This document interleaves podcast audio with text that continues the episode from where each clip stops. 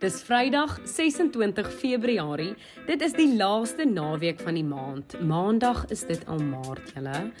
Maar eers lê die naweek voor ons en dit kan natuurlik eers amptelik begin nadat ek jou op hoogte gebring het van die week se belangrikste nuusgebeure. En dit was weer 'n baie besige nuusweek. So laat ons wegval met jou weeklikse nuus met Spiespot gooi. 'n Bondige nuusoorseig met my Mia Spies. Hoofnuus die week is dat die minister van Finansies, Tito Mboweni, Woensdag die begroting aan die parlement voorgelê het te midde van die stygende ekonomie, stygende staatsskuld en uiters hoë werkloosheidssyfers in die land. Ehm geen wonder vanjaar se begrotingsrede is deur ontleeders beskryf as sekerlik die uitdagendste, maar ook die belangrikste ene nog. So ondanks die uitdagings het Mboweni aangekondig dat Suid-Afrika se ekonomie na verwagting met 3,3% vanjaar sal herstel nadat dit verlede jaar ingekrimp het met 7,2% in reële terme. Certainly compared to October last year we are in a much better situation. But our assessment from the supplementary budget time in June last year still stands. Our public finances are dangerously overstretched. Our borrowing requirement will remain well above 500 billion rand in each year of the medium term, despite the modest improvements in our fiscal position. Consequently, gross loan debt will increase from 3.95 trillion in the current fiscal year to 5.2 trillion in 2023-24. We owe a lot of people a lot of money. Mboweni het gesê dat daar besluit is om belastingverhogings tot die minimum te beperk. The personal income tax brackets will be increased by 5%, which is more than inflation in general. Uh, This will provide 2.2 billion rand in tax relief. Most of that relief will reduce the tax burden on the lower and middle income households. Die ekonom Lulu Kriel sê hierdie persoonlike belastingbesparings was vir haar die belangrikste nuus van hierdie jaar se begrotingsrede. Hoewel die meeste van ons nie verwag het dat persoonlike inkomste belasting gaan verhoog nie, gegee die addisionele belastinginkomste wat nasionale tesorie gekry het van Oktober af, uh, is dit baie goeie nuus om te sien dat die belastingskale wel aangepas gaan word vir inflasie. Uh daarbenewens is daar natuurlik ook verligting vir maatskappye, hoewel dit eers van volgende jaar af in werking gaan tree. Uh maar dit is 'n belangrike stap in die regte rigting vir Suid-Afrika om meer mededingend te wees. Um ongelukkig sien ons dat wat die pad ongelukke fonds aanbetref en ook wat uh die brandstofheffing aanbetref dat ons heelwat meer gaan betaal. Uh baie van ons reis nie op die oomblik so baie nie, so dit sal hopelik 'n kleiner impak op ons sakke hê, maar nog steeds uh 26 sent is waarin waarvan ons praat en ook natuurlik as ons gaan kyk na die sogenaamde sondebelastings.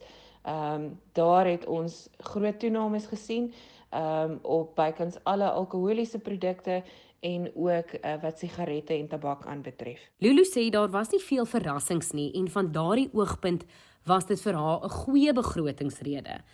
Maar sy is bekommerd oor die praktiese uitvoering van dit wat Mboweni aangekondig het. Die uh, minister het nie doekies omgedraai nie en hy weet presies waaroor dit gaan. Ehm um, daar is 'n paar goed wat hy nie in die begrotingsrede gesê het nie, maar dit staan baie duidelik in die dokumentasie uh wat deur die nasionale tesourier mekaar gesit is.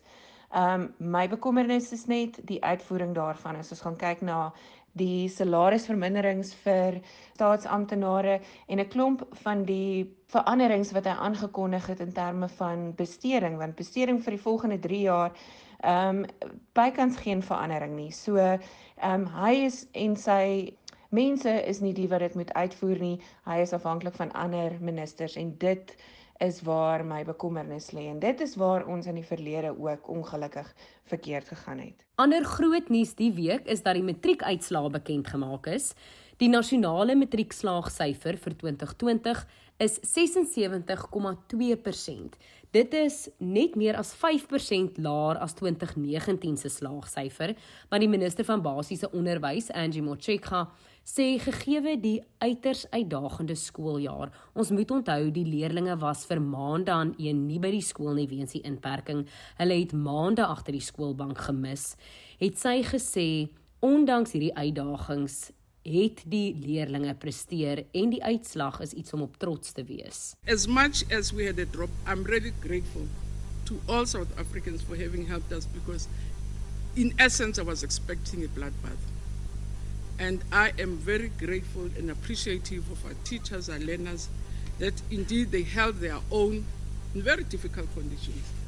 We tried everything in our powers to claw back on lost time, which we couldn't. The 2020 NEC exams show that three provinces, if we remove uh, the other learners we could not support, they did achieve about 70%. But that's not the issue, one those with progress learners. The Free State, again, that has taken the number one spot, Little next year. They got 85.1% which is a decline of 3.2% from 2019. Gauteng got 83.8% with a decline of 3.5% from 2019.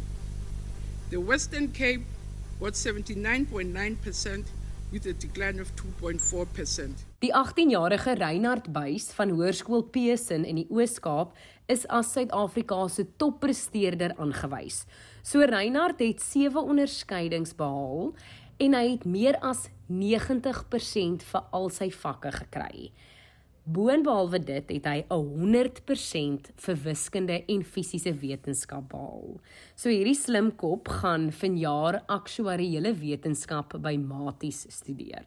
Dan loer ons gou in wat by die Zondo-kommissie van ondersoek na staatskaping gebeur het die week.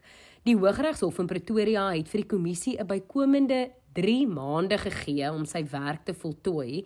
Dit is nadat die kommissieleier adjunk hoofregter Raymond Zondo in 'n hofaansoek aangevoer het dat die kommissie se verrigtinge met 3 maande vertraag is weens die inperking verlede jaar. So dit beteken nou dat die kommissie sy ondersoek teen die einde van Julie moet afhandel. Daar is nog baie getuienis wat aangehoor moet word, onder meer natuurlik van oud-president Jacob Zuma en hy weier om sy samewerking te gee. Zondo het verlede week aangekondig dat die kommissie gaan aansoek doen by die konstitusionele hof en vra vir 'n bevel dat Zuma skuldig bevind word aan minagting van die hof se vroeëre bevel wat hom sal dwing om voor die kommissie te verskyn. En as hy skuldig bevind word, kan dit tot 2 jaar tronkstraf beteken. So die konstitusionele hof het maandag nou hierdie aansoek ontvang. Dan na COVID-19 nuus, Suid-Afrika se amptelike dodetal staan nou al bykans by die 50000 kerf. Goeie nuus is egter dat die aantal aktiewe gevalle besig is om af te neem en dat die regering nou uiteindelik met die inentingsprogram begin het verlede week nadat daai 80000 dosisse van die Johnson & Johnson enstof in die land aangekom het. So meer as 40000 gesondheidswerkers is nou al teen die virus ingeënt en die tweede besending Johnson & Johnson en stowwe word hierdie naweek in die land verwag. So 'n ander groot nuus die week is dat verskeie stede, dorpe en lughawens in die Oos-Kaap amptelik nuwe name gekry het. So die nuwe name is vroeër die week deur die minister van Kuns en Kultuur, Natin Tetwa in die Staatskoerant aangekondig. Inwoners wat vroeër die week in Port Elizabeth gebly het, woon nou in Kubega. Dan is onder meer Mcleer en Uitenaag se name ook verander en die Port Elizabeth Internasionale Lughawe sal voortaan as die Chief David Stuurman Internasionale Lughawe bekend staan en die Oos-London Lughawe se naam is nou die Koning Paulo Lughawe. So dit het op sosiale media gegons oor die uitspraak van baie van hierdie nuwe name.